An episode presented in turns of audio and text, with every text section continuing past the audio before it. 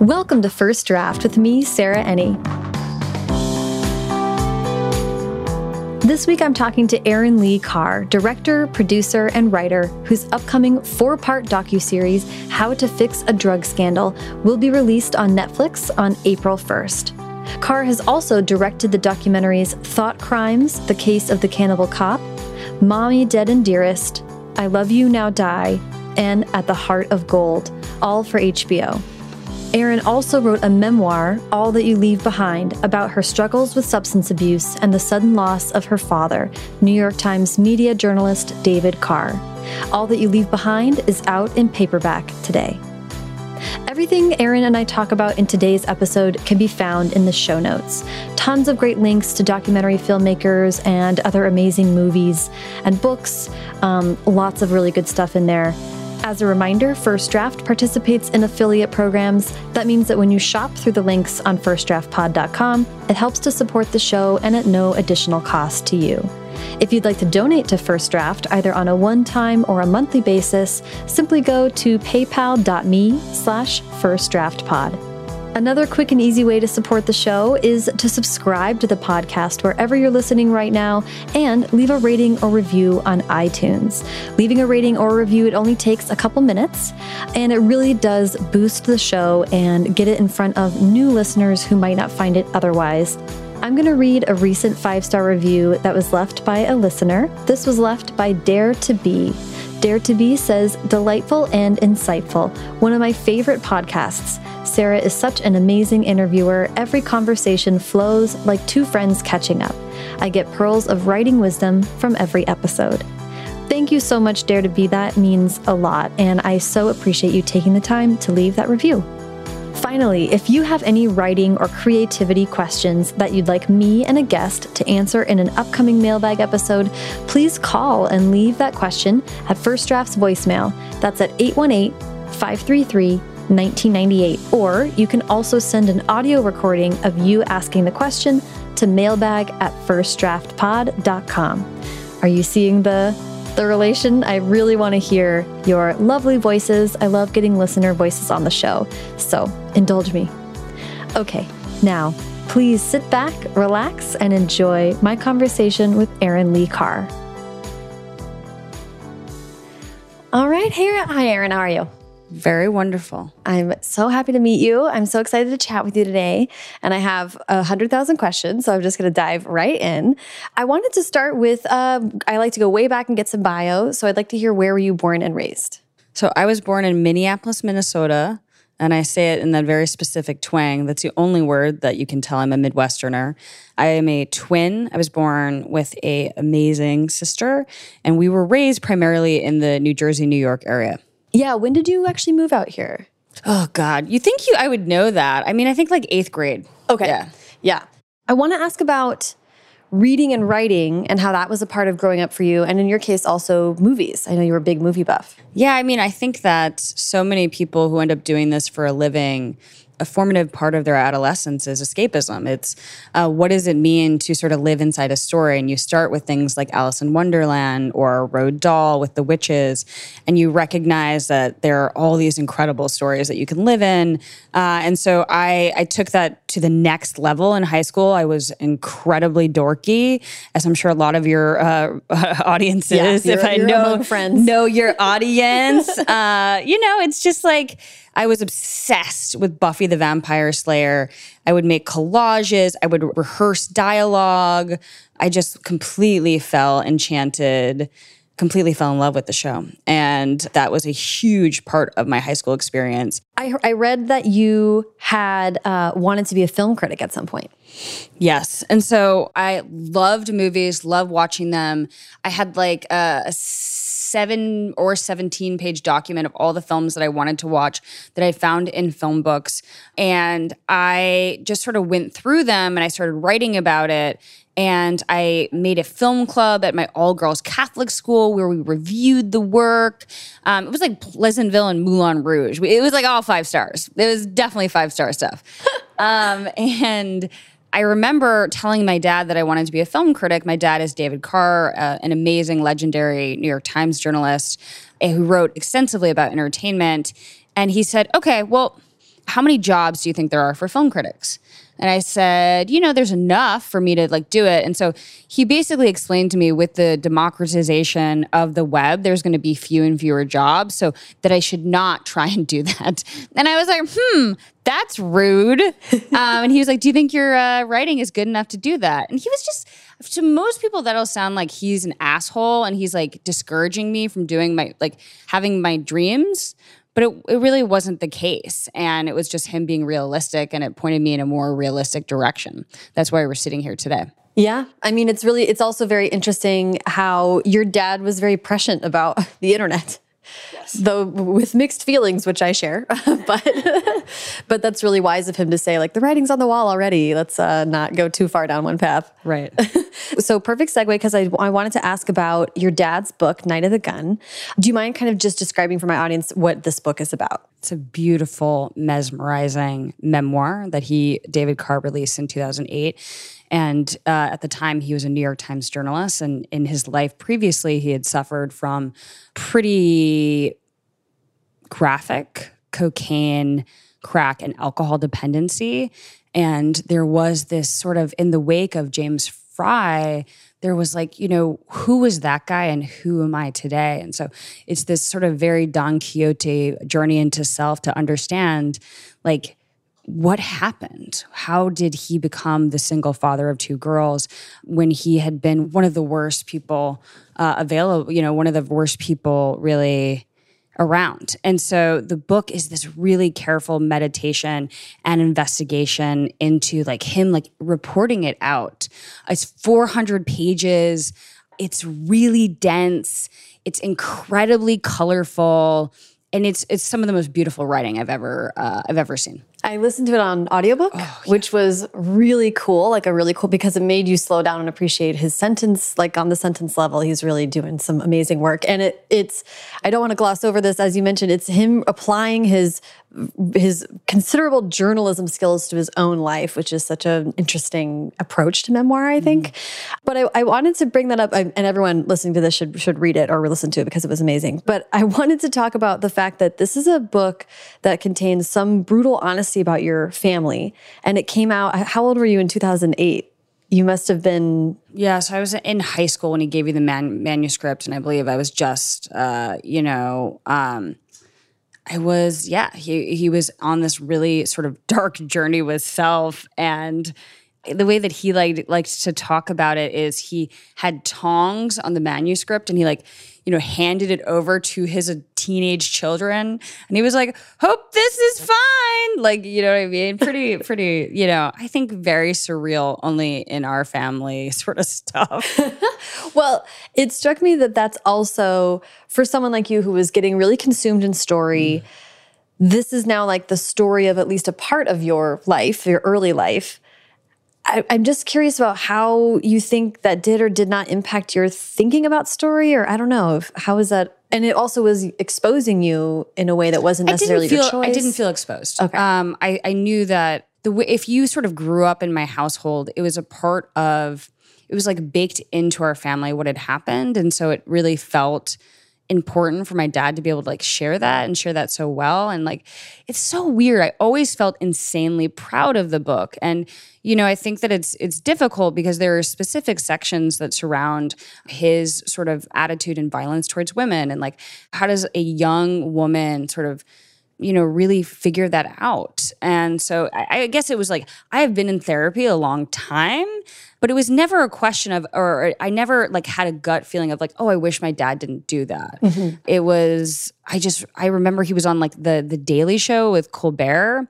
and he was just so good at it. And like, uh, and Colbert asks him, there's this amazing clip of like, you know, what do you think is more damaging to society, um, crack or the New York Times?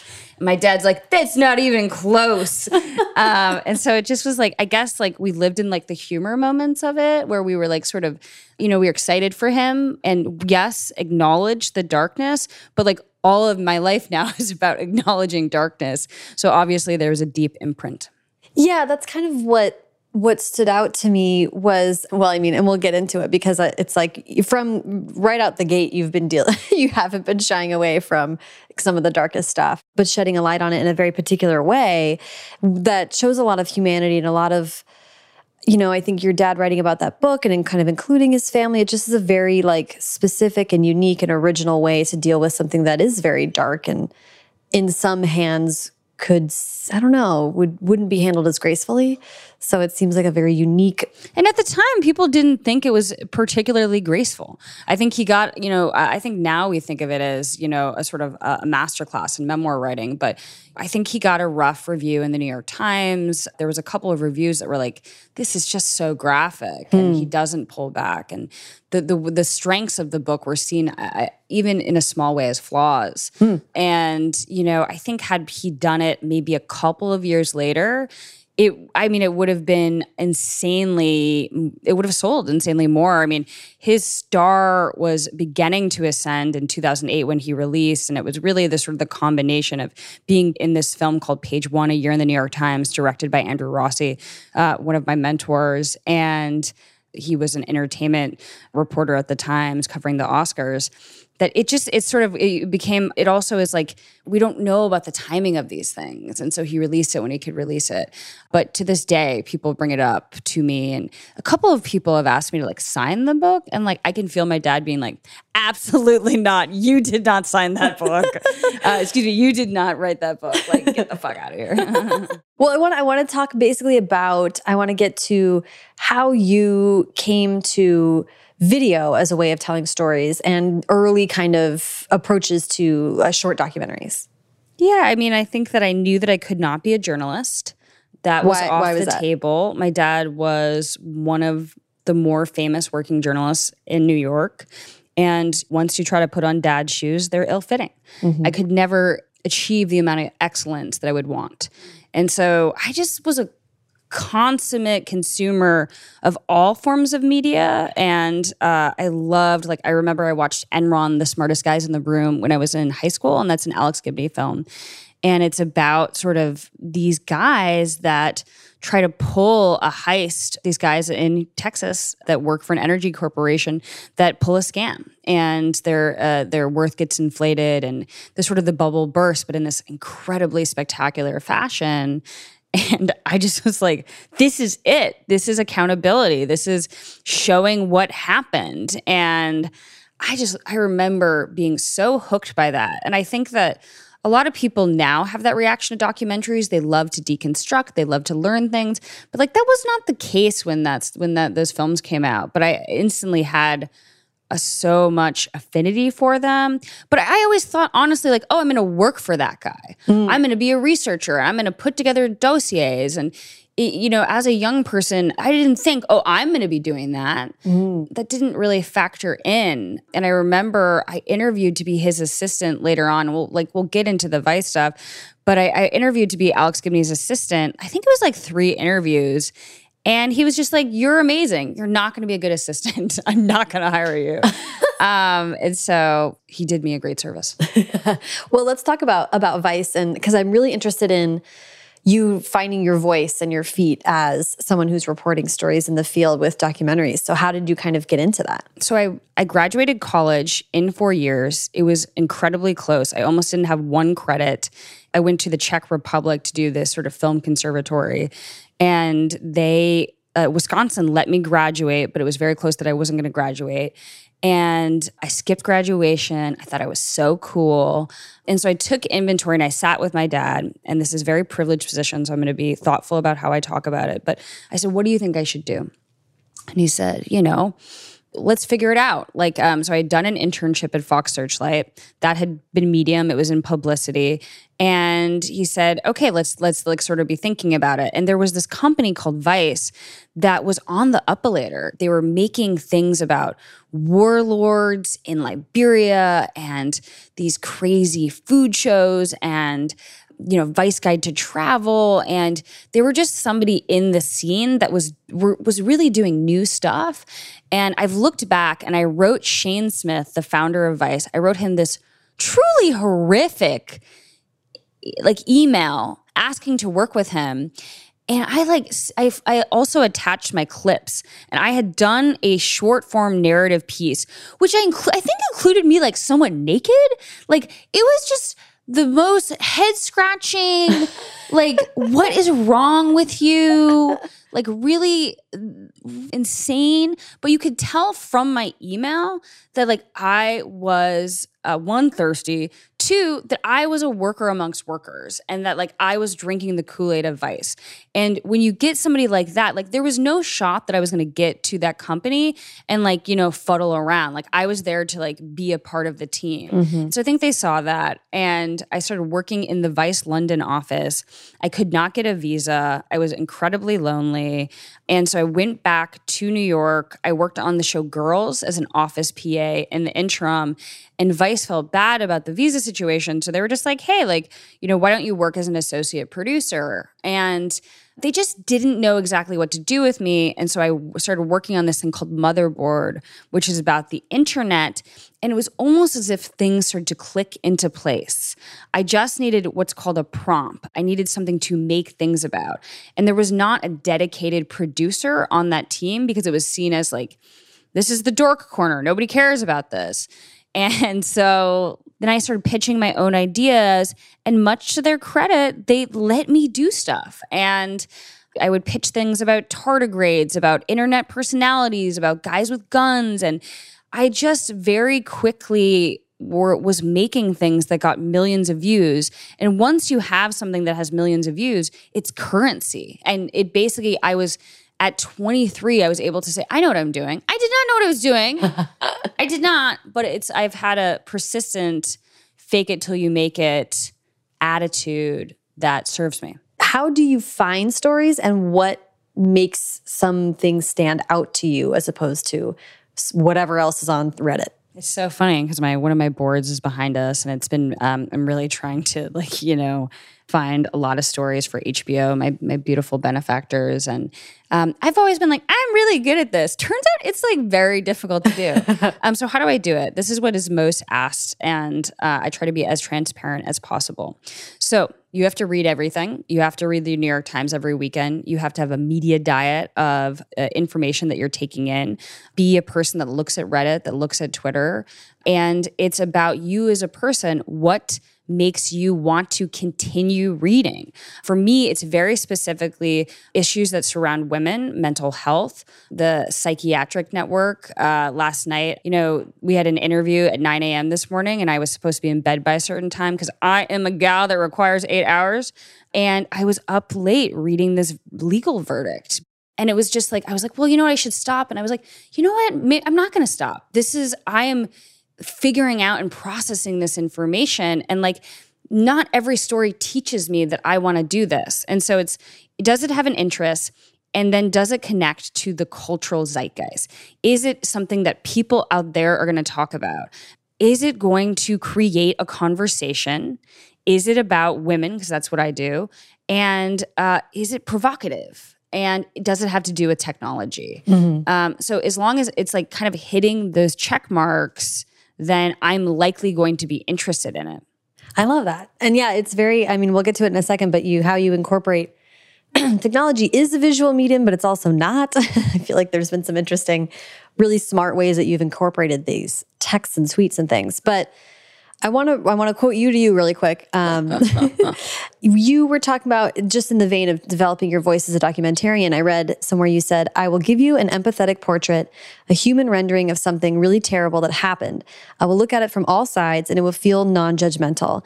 I think that so often filmmakers have a point of view, but with my films, I don't know if you can really tell what I think. And I just want to know if that was natural, came naturally to you, or did you really set out to from Time. Which one is? It? I think it was LA Times. Yeah. Um, uh, yeah, Amy Kaufman, who's so amazing. She she wrote that piece. Uh, so I think that if I and I, I don't want to all always bring it back to dad, but yeah, I mean, I grew up in an empathic, understanding, non-judgmental household. When we looked at these things, these horrific things had happened in our society, my dad really pushed us to understand it from all sides. And I think that that's not giving people breaks. Like, I remember we had a conversation about the assassination of John Lennon, and I, I had a throwaway comment of, like, you know, that's really sad. And he was like, "No, that is not sad. That is not the word to use. Sad is when a, you know, an egg gets broken on your head. This is a tragedy. This is unthinkable. You can't just remark that something is sad. What does sad mean?" And I was like, "Ah, like it's just very intense." And you know, obviously, he had those very strong feelings about that. But it was something that, in the thousands of conversations we had, sort of st- stuck out to me. And I don't know, like I think that I understand why people do bad things. I think there's evilness in all of us. And that's, you know, a prime example that we'll talk about is like the gymnastics doc. But I'm not going to give Larry Nassar, the, one of the most prolific pedophiles, the human treatment. And so you have to really use your lens and guide. I mean, I have to use my lens and guide myself on what feels fair, what feels human. And yeah, I don't tend to tell people how I feel within the films. I sort of I do a lot of I, I you think this, then you think this, you think this, then you think this because I think that's what is compelling portraiture. But I think some people might feel that's manipulative. I don't. Well, and that that's sort of the next thing uh, that late and I, I'm really preoccupied with the concept of objectivity. I like I graduated with an English degree and a journalism degree, and I'm like very obsessed with nonfiction storytelling. But narrative storytelling or narrative nonfiction is putting a lens of narrative on top of what really happened to whatever extent we can understand objective truth. Um, so I'm just interested in what how you think about the objective nature of what you're doing. Is it possible you're also like the first draft of history? I mean, it's all this stuff that you're where documentaries are on the borderline of journalism, but they're not they're a distinctive other thing, like you're saying. I, I feel that it's journalism. I use evidence in a court system to show you what happened. And yes, it is not textbook journalism because I'm adding music and cutting to it. But I remember I was hanging out with Patricia Bosworth, one of the best memoirists and biographers of all time. And she said, "Do you consider yourself a journalist?" And I said, "You know, I'm I'm really I'm I'm a very proud filmmaker and director." And she's like, "You are a journalist. Think about what you do. You've uh, you've interviewed over hundreds of people. This is your job. This is what you do. You need to own this." And I was like, "Patricia." Um, and and from that moment on, I said, "Yes, okay, I agree." Yeah, I love that. So, I mean, do you feel then if you take on that mantle, does it mean you feel I don't know. I guess I'm interested in how you think about yourself as a journalist and a storyteller. I think that this my strongest suit is interviewing people into going into a room and extracting something that you have not said before. Mm. and uh, doing it i used to take very long interviews. It used to be about three hours. Now i try to do it in about an hour. Mm. and making people feel comfortable like this conversation but really thinking about what is this person? How do i see them adding to this? Mm-hmm. how do i see them? Because they're, they're giving me their time and i take that very um, I'm very serious about that. I don't want to take anybody's time and then cut them from the film. Mm-hmm. It's a it's a really embarrassing part of uh, what I have to do sometimes, and so it's it's just it's interesting. Like you would think that as a, a, documentary director, it's like about the verite, or it's about setting up the scene, or you know what it looks like, and it's like no, like what I am best at is story, interview, um, getting that story.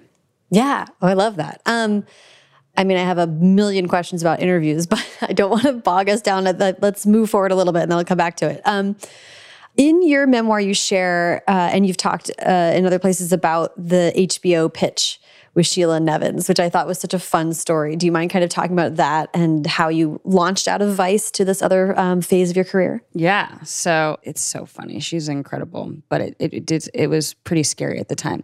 So I was at Vice I got poached by a competing organization for double the money. I had alcohol issues. And they were like, no, this is not a job for you. We're not interested in you working any, here anymore. I was fired. I was embarrassed. I was humiliated. And I really couldn't really go back to Vice with my tail uh, in between my legs. And so I had to sort of think about, well, what is the next step? What do I do? So I was like, you know, I really love making films. Why don't I reach out to a filmmaker? And I reached out to many, many filmmakers, Andrew Rossi, the director I mentioned of Page One being one of them. And he had been developing things with HBO. He like, uh, you know, knew Sheila Nevins, who is the president, and Sarah Bernstein. And he said, like, let's go in and pitch them. Okay. So setting the stage for you. I am in my mid 20s. I have a pitch about the dark web. HBO has never really done anything about the dark web. They're not they're not super into technology stuff, but I was convinced that I could bring this movie to them. Uh, I had a 10 page document and I was very, very, very nervous. I got there an hour and a half early. I ordered chocolate cake and coffee and just started wilting under the nerves, saying, This isn't gonna go well. This isn't gonna go well. I, I, I don't know what I'm doing. And I like, I was just like, pull it together. I went to the bathroom. I looked in the mirror and I said, You're gonna nail this. This is when your life is about to start. And I pulled it together, got to the building. Sheila Nevins was there. Sheila is uh, infamous for her meanness and her sort of uh, vibrancy. I got there. She doesn't look at me. Um, and she says, It smells like gasoline in here. And I was like, is that a comment of me farting? Like, what is the deal here? Like, it's basically like it pushes you off your access because you can't really pitch when all of this stuff is going on. And so she's like, she's commenting about a gas leak.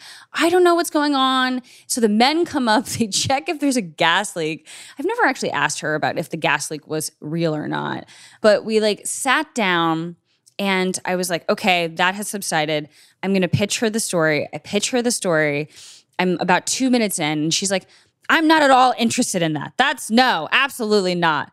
I was like, oh my God. Like, and it was just like, it was all, you know, when you're like, your fears come into reality huh? and you're having that, you're like, wait, is this real or is it not real? Like, she just completely said that was like, compl- not at all anything she's interested in. I've spent two weeks preparing for this. I start to look at my like shoes, and uh, Andrew just starts pitching other things because that's what you're there for. You have to pitch other things. And ten minutes into the pitch, I'm like, you know, I have a couple other ideas, and I mentioned this these two words, cannibal cop, and that's when Sheila is interested. That's amazing. I love yeah that moment when when the exact thing that you've been like, well, there's no way this worst case scenario is going to happen, then it does, and you're like okay, we live in this reality now. Um, I've had a few moments like that in my life. I love that she was so forthright uh, and then willing to be like, yeah, I am interested in this. I mean, that's just like felt like such a. I love that story. Um, what, what's something she has said to me? Interest like uh, we spent time together over the holidays. She said, "What I loved about the first meeting with you is you didn't ask anything of me. You didn't say the words, well, what do you think we could do together? And she was, you know, I don't want to, you know, she's not here, so uh, I don't want to speak for her, but like, it really was about she had been in so many rooms where all these slick ricks were like well you know we should do this together. What do you what do you need from me? What can i do for you? And she's like i don't want that. I want people with ideas like i, I think that uh, what i want to acknowledge is it's very difficult for an organization like HBO to take a risk on a young filmmaker, and they rare, rarely do it. It's high risk because you don't know. I had no proof of concept that I could actually do what I was saying that I was going to do. And so I think we need executives that have that gut check that like I think that this person can do it or I think this person can help guide this person. It's also because I was with Andrew Rossi and it wasn't going to completely go off the rails. But uh yeah, like I think it's it's just I think so many people ask me like how do I go from making short narratives or making short documentaries to being a feature filmmaker? Like the path is so unclear. And I don't have peers because it's just it's it's sort of borderline impossible. Yeah, right. Well, and what's the there's some saying that uh, I was just reading recently about every path is so unique. There's not your path wouldn't work for someone else. You can't replicate it half the time. But I also like I I tend I look at so many TED Talks, I look at so many keynotes and I just think that that's a little bullshit because every time I watch one of those, like I was watching Corey Rogers, this Nat Geo photographer last night, and his story obviously not like he's a you know he's a climber and he's he's basically he was uh, homeless prior in life and he was figuring it out but i was like there's so much about connecting to the climb like i have a, a post-it note that said the climb is what makes the view at the top so significant because mm. uh, you know that you sweat through it and mm-hmm. so i mm-hmm. think that if we we i think everybody should be listening to all these things because it's like we can apply a little bit of this to our own life. Yeah, that's that's a really good point. Um, and I mean, this maybe sidestep. What we're talking about also is ambition, right? And you talk a lot in your book about, and your dad talks a lot about being really ambitious, and that kind of seems like something that you had in common. You have a lot in common with your dad. Then what's what's different is you are a young woman and he is your dad. Different generations, different genders, different professions. How do you feel about being this ambitious and this driven with this whole other set of circumstances? Love it. I had a um, an ex boyfriend or somebody I used to date, and not maybe a boyfriend, reach out to me this past year and say, you know, uh, he sent me a joke thing about my social media being nauseating, and that because I had I put two movies and a book out this year, and so much of putting a book out really relies on self promotion, and yeah, that like people don't like that. And I said, hit mute. This is part of my job. And he sort of tried to push me a little bit on it and say, you know, it's becoming a lot. And I said, I am loud and proud of my work like any dude would be. And I, I put it on social media and uh, on Twitter. and he was horrified. He was just like, "Why would you do that? You why would you cannibalize and you know contif- you know make this into content?" And like that dude and I don't speak anymore. He is not pro me and my ambition, and like move to the left. And I think that there, um, I I do have people in my life like my boyfriend Jeremy, who can reel me back a little bit. It's like, hey, you're doing a lot of this. You know, maybe we take a break from social media for a couple of days, or maybe we think about that sort of stuff. And but that's but that's somebody who like I'm in love with, who knows me and knows the work, and isn't trying to rib me and is just trying to provide some like some guidance. And so it's been this like very interesting like I am one of the most ambitious, most intense people around me. And it's like, you know, that's just it's like I don't know, like I guess it's like I sometimes think about dialing it back, but then it's just like I think it's fine and I just am going to continue. But I, I, so agree with you and your sort of your uh, your understanding of you know my dad and I being both very ambitious, but like it looked really good on him, right? And it looks sort of like creepy and promotiony on uh, an early thirties person. It's different. I mean, it's different. I'm and like just so you're so I'm transparent. The a lot of the source of these questions is that I also felt really close to my dad. Mm. Well, super and very like wanted to be like him. He was, and he died young as well. So when I was reading your book, I was like, yeah, this is it. Like dealing with a lot of like, he, he was so driven. He got what I was doing. And now he's not here anymore to help. Who's going to root for us? Who's going to cheer? Like it's called cheerleading. It's like, but like that is the dude that's going to cheerlead for me. Yeah. And it feels like I, I mean, I'm sure you feel fucking robbed. And people say to me, and I think that this is so disrespectful. Well, at least you had him. I'm like, I don't have him now. Yeah. I would rather have him now. Yeah. Like, what do you mean? Like, I'm actually like a sober, badass person who can carry on a conversation. Like, I wish I had him now, not when I was like fusing my words together. Yeah. Yeah. It's, it fucking sucks. and it's also like, how old were you? I was, uh, I was 23 and he was 50. it's just like, it's so unfair. It's so painful. And it's like, think about you now as a person and like about all that you've become. And it's just like, it's just, it's deeply unfair. Yeah. Agreed. Well, I want. I just want, didn't want to. well, the the ambition thing too is obviously going to play out as we go forward because I'm so interested in how hard you've worked, as you said, like in such a period of time. I want to talk about thought crimes at first, though. Mm. Uh, do you mind just super quick pitching what thought crimes is about? It's my favorite film I've ever done. Is it really? Yes, that's awesome. So it's so much a reflection of inside my brain. So mm. it's a feature film about a New York City police officer that was convicted of conspiracy to kidnap, rape, torture, and eat young women. And he was convicted by a jury of his peers. And it was interesting because basically he was somebody who fantasized about these really dark things about women on the internet. He would go and talk on these sort of online communities and it was him sort of engaging in fantasy role play. His wife found out about it. She was horrified. She contacted the FBI, and the FBI and the local, you know, and the police department intervened before he quote did anything. So here was this young man, Catholic, uh, Italian, sitting in a jail, and he said, "I wasn't going to do it. I absolutely was not going to do it. This was all a part of a role play. You don't understand. You've got this all wrong."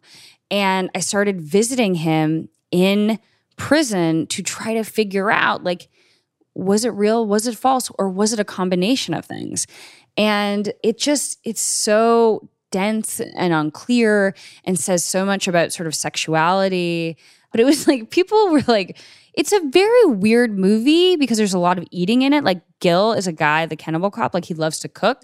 He was under sort of home confinement. So all he could really do was watch television and cook. And so one of the chief criticisms of the film was like, there's a lot of eating in this movie. And I was like, yeah, it's funny. I, I would I would put less eating in it now.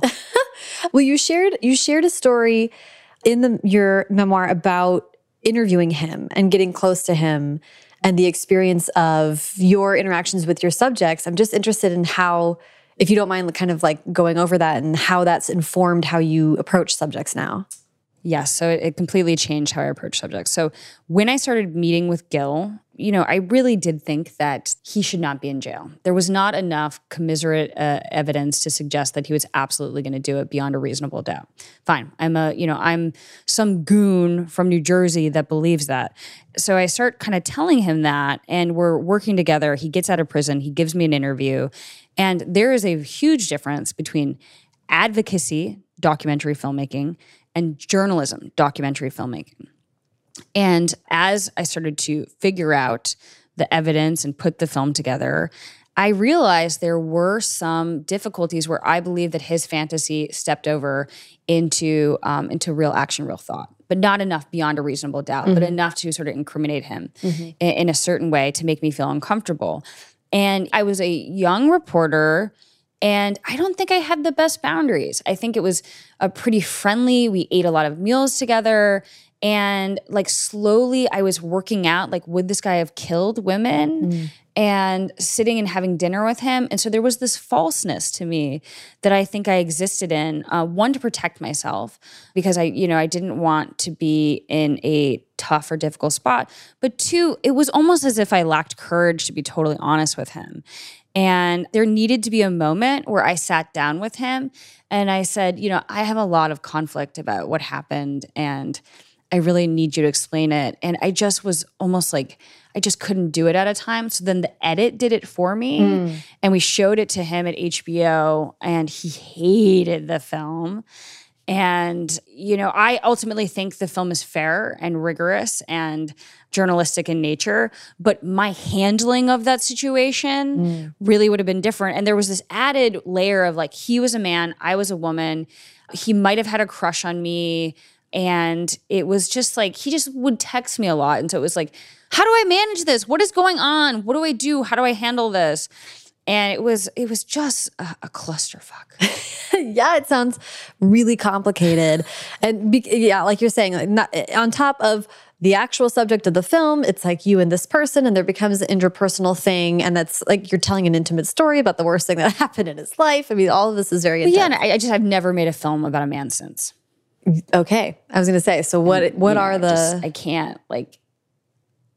I just, I understand women. I understand their motivations. I find that I don't feel uh, physically threatened by women.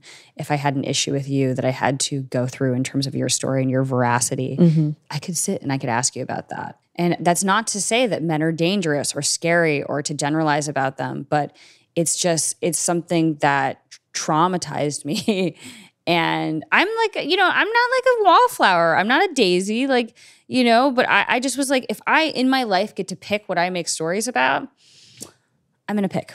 Did it change how you actually approach like being in the room with interviews, how you structure interviews, how you communicate with people? Like, I'm interested in all that. It's stuff. all about how you reach out to somebody and you don't promise things. And anything that you put in an email can be screenshot, mm -hmm. can be mm-hmm. shared. I'm reaching out and saying, you know, I'm making a thing for HBO. I'm making a thing for Netflix. And with great power comes great responsibility. Like I cannot act badly mm. when I am reaching out because that reflects like I won't continue to work. Mm-hmm. And so it, for me, it's really about the source curation. It's about the pre-tape interview. It's about relying on a body of work to to talk about sort of journalistic in nature, and you know that's significantly, you know, Michelle Carter.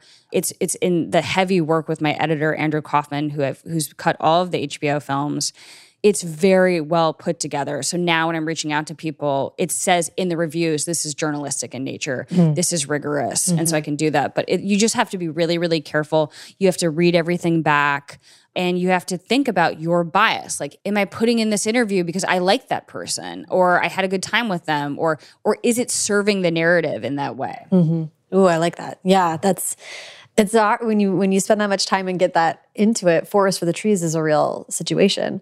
Let's talk about Mommy Dead and Dearest really quick. Uh, uh, do you mind pitching that doc for us? So imagine you are a young person and you have a lot of health issues, and your mom keeps telling you that you're really sick and that you have leukemia and that your stomach doesn't work and you you have to take your medicine every single day but you know, I, it's it's fine because your mama loves you and she's trying to take care of you. But now she says that you have to be in a wheelchair when you're outside the house, but you tell her you don't need to use the wheelchair, that you can walk. That is the reality that Gypsy Rose Blanchard was confronted with. And it led to a violent and scary ends for her mother. And this is a true crime documentary about disability, about health and about who we pretend to be. Yeah, it's so well done. It's very, it's like chilling, but because I don't know. Uh, and it was your breakout in, in some big way, it broke you out.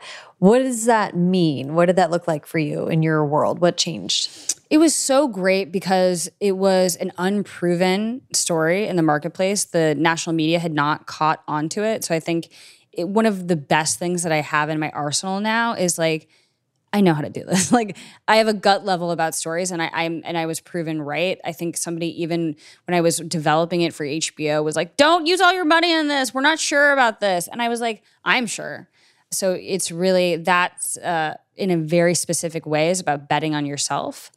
And it was the first film I made without my dad. And, you know, he never saw a frame of it. And there was, as, you know, if people read my book, there's so much imposter syndrome. There's so much you know, who am I? Am I just in these rooms because of my dad? It's so, there's so much self doubt. And this was a sure sign from the universe that it was not because of the strings that he was pulling, but it was because I actually knew what I was doing. And it was an incredible, crazy moment. Yeah. Yeah. I mean, literally, physically, did it mean that you were gone at things, speaking at things, doing a bunch of press? and how did it look for you? Yeah, I did about 60 to 70 interviews. I do all I do a ton of interviews per project, but I got to premiere it at South by and I remember I was like in a line for another movie and I heard somebody talking about it and like there is no better moment than somebody like that doesn't know you like talking about it and they're like did you see that it's crazy and it was just like, and Gypsy and her fam, well, her family really liked it. Uh, Gypsy wasn't able to see it because she was currently in jail, and I just remember it like just everybody was like, people would watch it like three, four, five times. Um, yeah, I watched it, it, twice. yeah, it added to the like the cult nature of documentaries, and I don't know, very, very, very proud, and uh, helped me get more work. Yeah, yeah, right. It brought me to thinking about documentaries versus narrative stuff. Like the most recent example is I watched Cheer and loved it like beyond, like so much. My friend pitched it to me and was like, it's better than Friday Night Lights. And I was like, you're out of your mind. But then I watched it and I was like, oh, to me, in my opinion, as a consumer of media, when a documentary is that good, it's the highest form of any medium for that story to be told. So when I heard that Cheer was optioned, I was like, how dare you? it's already been done perfectly. But then McMillions, for some reason, I was like, no, that does, I can see how this would benefit from a narrative arc. So when you come across stories that are so rich to you, how do you feel about, I don't know, how do you feel about this narrativization of stories versus just factually presenting them? This is just an interesting thing for me to think about. Yeah, I think that we live in this age where people just really want all of this work and they want it in so many different ways. And so I, I feel gratitude about that. And I think so many people are like, your docs are so translatable into sort of narrative. I do look for stories that can either be doc or narrative because that's like, in terms of me as a director, like, I think it's very clear that those stories that eh, after the act, and I had nothing to do with the act, um, you know, that it's like that is it's a huge deal for me to find stories that are unproven and then like uh, you know, I could sell it in terms of a doc and or a narrative. Right. And when and this is like getting in the weeds a little bit, but I'm interested in in say you came up with a new documentary, you sold it and then it's it sells film rights. That's like also you that's get called the, the dream. you also get IP for that, right? Like that's a whole, and you could it's be. very hard to option a doc. Um, it's much easier to option an article. Hence ah. the Michelle Dean stuff. Mm-hmm. Uh, she she co-show ran that show, and yeah, I think that it's it's, it's I'm still figuring it out, Sarah. Like yeah it's sort of confusing for me to figure out because like I love making documentaries. I think it's the coolest, most epic job. I'm so happy doing it. So to even think about trying to do narrative, which I am trying to do, it's like yeah, it's just crazy. But I think that, yeah, ultimately, it's like finding stories that have crossover potential mm-hmm. is a big thing in the industry. And it's something that I'm looking for, but it, you know, it, it just depends on if it's the right fit. Uh, let's talk about I Love You Now Die. You, uh, which I also just watched and found deeply intriguing. It was a very national story. It's about a young woman that was texting her boyfriend to kill himself. He ended up, unfortunately, passing away. His name is Conrad Roy. He was an incredibly thoughtful, complicated, amazing young man. And the family was really, really angry. You know, it's very odd when an 18 year old kills himself. And so the police sort of opened his phone, and there was this text message thread of this young girl basically cajoling and pushing him into suicide. And they said, Well, I wonder if this is a crime. And the film is an exploration into guilt and innocence in the 21st century when it relates to suicide and mental health. And what I wanted to do with that film, uh, and it's a two parter on HBO, currently streaming, it, you know, I wanted you to kind of be the jury and think about all the evidence. And I, I gave you the prosecution's case first, and then I give you the defense cases and it's just so much more complicated and I, I love that when people watch it they come away with you know deep sort of conflict and because I, I think you can sense that i felt really conflicted too yeah absolutely. And when my my friend who was like you have to watch this was like you leave it and you have no idea. She was like really impressed by how it was put together. And she and and I agree it was really compelling to to sit there like a juror and to and even the perspective in the courtroom was like was very that. It, it also struck me there's an enormous amount of research that must have gone into this one because much like the lawyers for both sides, you were and the cops, you were going through just hundreds and hundreds and hundreds of text messages. I was going through thousands of pages. Um, I was going through thousands of text messages. It took years. I think people look at me as a young filmmaker and they're like, "How do you do it?" And it's like through years of hard work and having a team and I'm tired. I need a nap.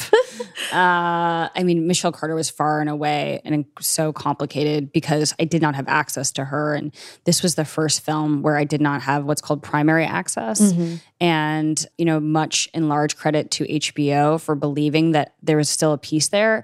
I think that there's, we live in this really dense access build environment where, you know, I, I, I, I'm trying not to sound, come across like an asshole, but when I told people, I was working on this, people like, oh my God, did you talk to her? And I'm like, no. Um, like, I did not talk to her. Like, I don't have to, I can still make something that's worth your eyeballs if I don't talk to the main person. Like, and so I, um, proudest of thought crimes because there was so many reasons for that not to get off the ground but like the the sort of the sheer uh, difficulty the high wire act was definitely michelle carter yeah and i am interested in that because research based like density of research and like getting into i mean by the, by the time in the i don't want to spoil anything but by the time we get to the Lea Michele stuff in the second one i was like what? I was losing my mind. And to me i was like oh that's so specific and like deep in there. Someone having to cross reference that and seeing that this woman was was texting your boyfriend quoting directly from Glee. So I need to give a very specific shout out on that. So that was reporting by Jesse Barron, the Esquire prince, who he had uncovered that in his piece. And it was shocking. Um, I, I cannot at all take credit for for knowing that that happened. He basically had all the text messages. He was critically thinking about it, and he was like, "This doesn't feel like what a person would be saying to their boyfriend. And so it's just by that sheer act of like thinking about it that he was like, I think this is from somewhere else. And then he ended up reporting on it and then it went viral in our film. And, you know, hats off to him. I mean, he, I, we did a four hour long interview. He's a, a writer for Esquire and New York Times Magazine. And I saw his notes and I was like, oh my God. like, he is such a journalist and so he like lived in massachusetts and like got a place while he was reporting that case wow. so in all of these films there's a journalist who's sort of a narrator and I just I, thank God for journalists. he was a great voice in it too. He was really, yeah. Sheila was like, get him out of the film. You have a crush on him. and I was like, Sheila, come on. He's a journalist. I'm a professional. I had a crush on him by the end. I was like, did. this guy's yeah. got it together. Um, also in that film, I wanted to talk about displaying technology because it was a lot of, and in in uh, Mommy Dead and Dearest too.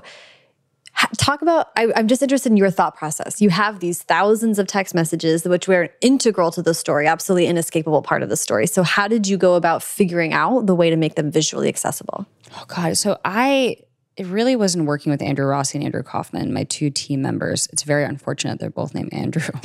uh, yeah, I mean, it was the text messages had so much emotion, but we really put them over sort of interesting but standard b-roll of massachusetts. But the core tenant was like understanding like what the text messages were doing at that scene. And i remember so when you make a film you end up having to watch it about 47 times. And that's 47 times times 100 i think it was like 140 minutes. So much of my life has been spent watching that movie and I would just sit there in the text message sequences being like, oh, oh God, am I awake? Like what happened? Um, because it was so boring because I had seen it before. And one of my big fears was like, yo, this is some fucking boring stuff. Like this is like, but I would share it with people like you who would be just dumbstruck by it because they had never seen it before. And so it was really about relying on others to understand like is this still interesting? What am I doing with this?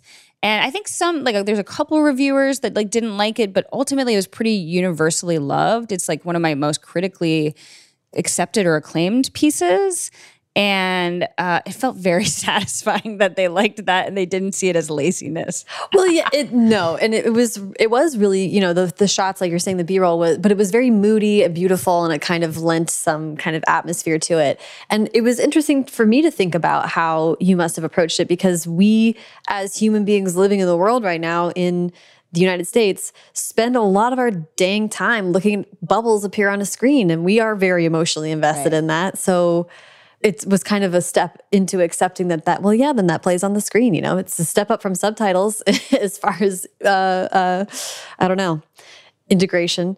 So i liked it. Good. But i'm a word person too so i was yeah. like ooh reading. So everyone was like it's too small. The print's too small. And i was like oh god. Everyone's a critic. Shut your pie hole thank you. Uh, i want to talk about at the heart of gold. Do you mind pitching that? And actually do you mind pitching that and also telling me how you decided to do this story or, or what made this story something you wanted to tackle? So I was working with Alex Gibney's company, Jigsaw Productions. I was finishing up an episode of Dirty Money about the pharmaceutical industry, and a pitch came in through a producer, her name is Sarah Gibson, about a scandal involving gymnastics. And I was looking for something next that had a baseline of footage. And I think that it's really difficult to create something out of nothing. And when you have something like a subject like gymnastics, it is so beautiful. I am completely in awe of people who do gymnastics. It is just the most wild, crazy stuff. So it really piqued my interest. And I really liked my first call with this producer, Sarah. I felt some kinship. And so we were going to make a film about the predatory relationship between uh, coaches and athletes. A lot of my work centers around like uh, power imbalances and things like that. So it felt very spot on. And then people kept saying this team doctor, his name is Larry Nassar. There was just a, a lot of really uncomfortable stuff brewing. And suddenly, and almost without notice, it became one of the biggest news stories of 2018 and uh, so you were involved in telling some version of the story before it broke. Yeah, it broke in that way. Yeah. Wow. Uh, so I started working on it in I think June 2018. The story broke. Uh, worked on it through all of you know 2018 into 2019, and yeah, I mean this is a film about the most prolific predator, one of the most prolific predators in known U.S. history. He was a, uh, a team doctor for the USA Gymnastics League for the for the Olympics uh, for this gym called Twistars uh, in Michigan. But it, the thing is, it's not about him. It's about the athletes, and it's about the institutional failures of these places to protect these young women when they were at their most vulnerable, which is they were very young. Uh, so it's just this like pretty devastating heartbreaker about what does it mean when you you're trying to do something you love and somebody um, somebody is trying to take from you. Yeah, yeah, absolutely. Innocent specifically. Yeah. With this subject, you know, you talked about empathetic human portraits. And like, as you're saying, Larry Nassar is not the subject of this film. The women are the subject of the film. But how did you want to center the story? How did, I mean, you still had to talk about him and show his face a lot. Um, yeah, I think it was very difficult. I was really scared when the gymnasts were going to watch the movie because his voice is in it. Mm. You don't want to re traumatize people. It was all this like up late at night, my hands on my forehead, being like, oh, is this the right thing? Is this the right thing? Uh, worked with an incredible editor named Cindy Lee who sat with the footage. Um, I think that I just I have to anybody who's trying to understand documentary and understand directors and finding stories like you are only as good as your editor and it's just it's not even close. It's as important a cast as the director of the film and I go out and do the interviews, but like she's the one that really like cut together the film. Mm. And it's like when you're talking about finding the story or finding the heart, I, I think that for me, it was always like um, this weird sort of ball of culpability that kept shifting like who is responsible for the scandal mm. and so that's how we really built it but it was a lot of sort of trial and error and much credit to cindy for making something like that is not a long movie and it's so such an incredibly big scandal. So credit to her. Yeah, yeah, it was. It, yeah, I was struck by that too. Like, oh, I got a lot of information in the short period of time. You talked about not wanting to re-traumatize people by having them watch the movie. What were what was that inter? What were the interviews like? How did you approach that? Ah, um, God, it was you have to do a lot of pre-tape interviews. They have to be comfortable with with you, your voice, with Sarah's voice. She was my really big partner in this. When you get to set, I tried to keep it pretty heavily female. My DP, um, both of them were males. I, I, did a thing that you're never supposed to do. I, I, go and we sit somewhere else and I say, You have the power in this dynamic. You do not have to answer anything that you don't want to. And there is a social response of, you ask me a question, I want to please you and I want to answer what you're saying. I don't have to answer anything you ask me. Right. And like the thing is, like, I say I don't want to talk about something, boundary. I don't want to talk about that. And letting people know that they have access to that boundary and I am not going to be upset. Mm-hmm. You can talk about what you are comfortable with and giving the power over understanding. I did one of the most painful interviews in my life was with a young gymnast, uh, and she just was not ready. And I could tell what I was doing was not the best, and we cut the interview short because there was just there was no response there was no processing she couldn't really understand what was going on and so it, there had to be a very high level e, eq emotional intelligence of yeah, I'm prioritizing the film, but I'm prioritizing this person in front of me.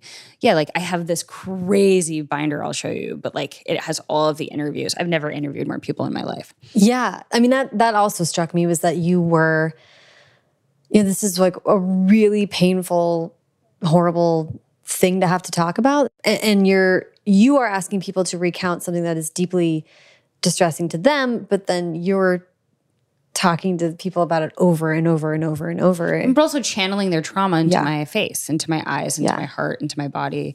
I've had significant health issues. I don't think it's a coincidence. I think that this stuff gets under your skin. I think it it makes you distrust people. It makes you distrust institutions. There's a collateral damage that secondary trauma has. And to be very clear, it's not primary trauma. I am not somebody that was sexually abused by uh, Larry Nassar. And so I can't sit here and complain like, oh, it was really painful. But like there were parts of it that were painful that I felt uh, I felt like a, a different person after I made that movie. And uh, it's almost, and I think I feel okay saying this, like I get invitations to talk about the film. And it's really, really hard for me to say yes to it. Like I can talk, I can talk to you about my book all day. I can do, and it's like that's some trauma too. That's about dead dads. Like you know what I mean? Like, but it, it's almost like it's just so much. I can do it more uh, than I can. Like there's something specific with sexual assault, and I've been, uh, you know, pitched many, many, many projects in the last year because now I have like a- an ownership over the space, and I'm just like I can't do it. I can't do it. Yeah. It's too painful. Yeah. it's not good for my relationships. It's true. I definitely support protecting yourself. And I'm asking from the point of view of someone that talks to a lot of people. I feel, I leave some interviews feeling like bad or totally drained and upset. And that's like, that is tough in its own unique way. But learning to manage that has been a whole other side of um, professional life, which is interesting. Yeah, I mean, I worked with a trauma centered therapist when I was making that film. There's people in my family who are mental health. Um, I take it pretty seriously in that you have to develop and get like coping mechanisms that help that that, that help you get through that work. Yeah, absolutely. Let's talk about All That You Leave Behind, which is your memoir. Do you mind uh, pitching that for us? It's a beautiful book. Um, so where's my? I have a I have a paperbacks over there. The paperback comes out March seventeenth, and St. Patrick's Day, which is very odd. So it is a book about my life, but specifically about this crazy, amazing relationship with my dad, journalist David Carr, who died incredibly too young. He was 58. And one of the ways in which we communicated was through these really beautiful emails. He would send me emails about about life, about health, about sobriety, about the next right thing. And he was very known in his community for these missives, for these uh, really incredible pieces of information locked in these uh, emails. And so it's a story about grief, but also about life and love. And I was really scared to do it, but I think that there was just so much good advice inside the emails that I thought it was worth it. And it, it's not just related, like, hey, you want to be a documentary filmmaker? This is David Carr's tips for it. Like, no, it's about how to get up, how to have grit, and how to like continue. Yeah, well, I- and I do want to hear just how it came about. You've been making films; you're very successful in the film space, and then all of a sudden, this memoir comes out. What? How did that project get started? It was a very long time in the making. I wrote a piece on Medium the year after he died. So he died in 2015. I wrote a Medium piece in 2016. An editor at Random House, Pamela, saw it and saw like this is an interesting story. And she called me in and I was like, yeah, I really like my job. I don't know if I feel ready. I, you know, writing a memoir, one, people really hate it when you're in your 30s because they're like, fuck off, you don't have enough to say yet. And two, I don't know if I wanted to share the dark parts of my life. Like, you know, I knew that I would have to get into alcohol stuff. I'm in recovery now, but it was very new at the time. So she we just kind of had an exploratory conversation about it. And she's like, Well, why don't you try this? Like do some writing, try to write a proposal, um, see how it feels, and we'll sort of go from there. And I wrote a proposal. It was awful. It was awful and I wrote it in between gigs. Like I would, I think I was shooting Mommy Dead and Dearest, and she wasn't super mean about it, but she was like, "This is not like up to Random House writing level. Like, you know, did you really focus on this?"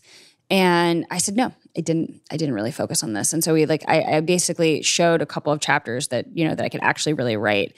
And we began this very tentative process of putting the book together. And it was just very, very, very painful. And I just like almost wasn't ready for it. I don't know. I, I, you think I would have been more ready for it, and I remember at the time, like I really wanted my ex boyfriend to read it. We were together, we lived together, and I would be writing this in our home in Queens, and I would really want to talk about it. And he would he had very long days, and he was like, I just I can't talk about this every night. Like I, you know, right. you're writing a book, but like this cannot be my every night when I'm home and I was horrified and insulted, and it felt like a lot of people in my life were like not very pro the book, and I was like, well, you know, what am what am I doing this for? So it was it was just very complicated. Yeah, well, and you're you're incredibly honest in the book, but I just didn't even I never even thought of a different way of doing it. Like that's what the general feedback. It's like honest, raw, not always graceful, and I'm like, well, that's sort of me as a person but yeah, I don't know how people do any, you cannot do a memoir in any sort of halfway. Like, you, it's just like it would never be published. No one would want to read it. Yeah. I mean, I would say I've read some that were very, you know, you're like, okay, you just, it's a PR piece basically. Name names. Uh, I'm like, oh. not, not going to go there yet. I'm, I don't have one on the top of my head, but I also felt, I wonder if this is true. I'm going to throw this out there and see whether, how you respond to it. But it felt like you were taking on the responsibility of being very forthright and clear about substance abuse and how it had impacted your life because being glib about that is like disrespectful to people who are suffering from it. I don't know. That was the stuff that probably I would guess people are responding to. You're really honest about about things that you were, are embarrassed of that happened while you were drinking and why you decided to stop. Yeah, but what I loved about it is that I just did not inflate. Mm-hmm. And I think that when you, we have a canon like The Night of the Gun or Mary Karr's books or Caroline Knapp's book, Drinking a Love Story, it has to get literally horrific before you put down the alcohol. Mm-hmm. That has been the sort of the dialogue of you have to lose everything, you yeah. have to become a bum and I mean, not Mary Karr, like she, there was a, more of an emotional bottom. But uh, what I wanted to do in this book is like, you can just be frankly pretty, really embarrassed about your behavior enough to change it. And there are so many stories in AA about like vehicular manslaughter and losing your children or going to prison. And like that is what it takes for some people to put down drugs and alcohol. That is not my story. And I really wanted to flag to women in their 20s, 30s, 40s, whatever, that you know that shame that you wake up with and it just grows all day long like, what if you didn't have that shame? What if you could direct that energy at someplace else? I think that one of the reasons why we get to talk here about four different movies that I have done in five years is because I'm sober. Oh my God, last night I was thinking about this interview. I was reading the, the paperwork. Like, I was not in a blackout. And that's what I would have been in earlier in my life. Yeah. Yeah, and recently, uh, Beth from Best Coast and yeah, I read that had, piece. Yeah. That was a really beautiful piece about it. And uh, Jenny Slate gave a really great interview for the Cut where she was talking about and and you know, uh, as in Jenny Slate's case, especially, she was like, you know, I I love alcohol and maybe I won't be sober forever, but it just isn't right right now. And again, I'm asking because I'm in a phase where I'm like, I have a lot at stake to be being productive right now. Mm. So I'm like working with my network to be like, can we just stop? Can we just pull back? Can I do this? And it's I deeply, deeply recommend it. Even for a month to do it, there's just such a consistent social pattern of we as women having a glass of wine. And it's like, no, why don't we have coffee? Why don't we have tea? It's seen as like sort of like not cool to like get tea together. But like, what if after that meeting where you had that and you felt very connected to that friend, you had time to think about other things and sort of process it? Like, I am such a person in the bag for sobriety, even partial, part time like sobriety. We don't need to be drunk. we don't need to have it to celebrate things. You can celebrate things as a sober person. So I don't know. I always like I get a ton of young people reaching out to me, but like how do I do this? I'm like, you know, even if you do not have a problem with alcohol, just just cool it for a month and see what happens with your time. It multiplies. Yeah. I the time thing and then also sleep. it's like Yeah. great sleep. Um you it, I, I think it was your fresh air interview. Oh, so good. My god, so good. Woo! Nelly. I was so nervous. Well- she, she had to tell me to like calm the fuck down. I was so nervous. And I'm sure that happens a lot with her where you're just like, I gotta say the right I things. love you. and she hates that. I've listened to a hundred of those interviews in preparation for it. Yeah. And she just said, you need to take a deep breath. We're gonna get through this. So funny. Uh, and she reset me, I think about five minutes in, and we had, I think, one of the most, the, the best conversation I've ever had about my book. it was a wonderful episode. Yeah. And and I And actually they, they've left the pauses in. Uh, you know, it was an interview that was very, very, very full of pausing because I've studied her interviews. Where does she go? Basically, writing down. Like, I think the the Phoebe Waller Bridge is a really good one, and it's like her background, what she's oh her Mark, uh, excuse me, her uh, Howard Stern one is so good too. But like understanding how Terry does things is been a recipe and how I conduct my interviews. Yeah. Yeah. Oh my God. I mean, listen, I'm like super in I could talk about that forever. And she does all of it remote, obviously. I know that's what kills me is I'm like, you know, we know that she's so brilliant and people don't even understand how brilliant because you she's just staring at soundproofing and like getting people to be so honest and and open up and share such beautiful things. She's brilliant. But anyway, in that interview uh, you had with her, you did talk about um, at least one thing that you regret putting in the book. And I'm just curious about how your relationship with the book has changed since it came out versus when you were writing it. Memoir is so specific. I mean, how do you think about it now? I just think the the sheer act and that I wrote something that exists in the world, it brings such deep pride. And that there are many people that take the book deal, try to do it, and they're like, no, I just I can't. I don't have enough here to say. Um, and it really was working with Meg and with Pamela to like make sure that I, I didn't feel that way at the end of the book. I feel like I have never experienced the vulnerability that it takes, and now people have conversations with me like they know like they know me, and it's weird. And I have a lot of hor- horrible, mean reviews on Goodreads. People like hate that I exist as a person. There's this like nepotism thing that like I'm like I was a crack baby and I work seven days a week to make sure it doesn't feel like nepotism. I am never resting on my laurels. Could you cut me a break? And it was like some person was like necrotizing a dead father's corpse. And I was like, and I, you know, I read every review for my movies, I read everything for my book, and there's just such a meanness that is embedded within writing. And it's not the same with documentary. It truly is not Really? that is like I, people take it personally that I decided to write a book about it and like people my dad is dead.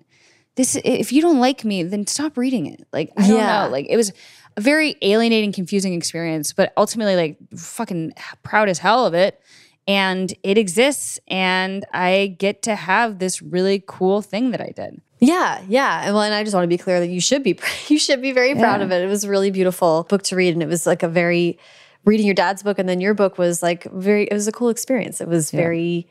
Um, you guys are both really talented storytellers, so it was interesting to get a glimpse into your life because you guys opened the door for that. So I appreciated it. Um, I want to talk about what you are up to next, and then uh, and then we can. I like to wrap up with advice, but to whatever extent you can talk about what's coming up, I'd love to hear about it. And this will come out on March seventeenth, so whatever you can say at that date. So the trailer will be released by now. It is called How to Fix a Drug Scandal, and it is a four-part Netflix series about something that goes very wrong in a lab. And you're like, Erin, why a lab? That doesn't sound very sexy. and I think that something that I really wanted to do as a documentary filmmaker, I tend to do true crime, but I think that it has a really big overlap with the criminal justice system. And I'm really interested in prosecutors. I'm really interested in the system. I'm really interested in cracks within the system. So this is an homage and a lot of show dedicated to the scary nature of addiction, but also how the system can fail us. And it was crazy to put together and i hope you like it and it's uh made with my brain. Yeah. What what was it like approaching a story that has to do with addiction with your it seems like you're well suited perhaps yeah possibly? we thought about like putting my vo in it and putting my own personal story and i worked with this editor named ben gold and he was like no that is awful that is an awful idea and we it had been like talked to, to the netflix executives talked to the my production executives and we are like yeah maybe that'll work and he was like no i'm not doing that i'm not doing that and I was just so grateful for this very intense reaction. He's like a very celebrated editor. Again, I have a, a huge part of my life is about um, working with really smart editors. And we just never did it. And I get to, you know, I think that it's a great tie in for doing interviews and talking about addiction from a, a personal standpoint, but it just didn't need to be in the piece. I have a lot of things that I'm working on right now. I'm developing projects for HBO. The Michelle Carter story is being adapted through Jesse's article. Uh, I'm I'm busy, uh, but trying to take like because okay, here's the thing. I want to the material and my documentaries to remain at this high level. And so I'm really trying to like this weekend I spent in bed reading these books about the subject matter and or like looking at the court documents because I think the only way for it to continue at the level that I've been working at and the pace is is to really, really, really think about sort of critical thinking. And that makes me less fun. Like I see my friends less often, and I think I always pick work over things. But I don't know. I just love what I do, so it's kind of worth it. Yeah. Yeah. Uh, finally, I want to wrap up with advice. I guess I would just love to hear what you'd have to say to someone who is interested in storytelling through documentary films. Like, what is a good way to get started, or what should they watch? So, you have to almost every night for a month, watch a documentary. Watch it, diagram it, figure out your favorites, figure out what your taste is. Don't just watch it to be like, well, I didn't really like how they did this. It's like every film is a miracle. It's impossible to put together.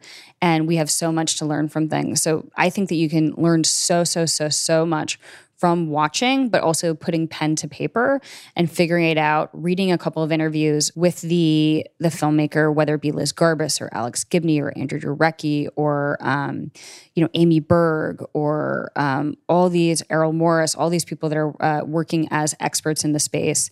I think that it's impossible to make things, and you are going to hear no, no, no, you're not ready. That's not a good enough idea. I don't think so. You can't get funding for that. The the funding system has basically collapsed in terms of you can either get big bucks from a streamer or you can go the grant route, which is really painful and difficult. Uh, Sundance is not the only route to success. I think that is often seen. I've never been to Sundance. I'm on my fifth film, and I think that it's really having role models either interpersonally or personally in this space uh, and diagramming their career. That's something that I did. Who are the people that I reach that I look up to? How did they get their start? And knowing that yes, their journey is sort of specific to them, but all of these things can apply in a certain way to us. Watch, watch, watch, pay attention, have gratitude. Write a gratitude list every day. That's awesome. Well, thank you so much, Erin. This has been a total joy. Awesome. Thanks. Bonnie says Thanks, thank Bonnie. you too. Thank you so much to Erin. Follow her on Twitter and Instagram at Erin Lee Carr, and follow me on both at Sarah Enni and the show at First Draft Pod. Haley Hirschman produces First Draft, and today's episode was produced and sound designed by Callie Wright. The theme music is by Dan Bailey, and the logo was designed by Colin Keith. Thanks to production assistant Tasneem Daoud and transcriptionist at large Julie Anderson. And as ever, thanks to you, compelling and zeitgeisty narratives, for listening.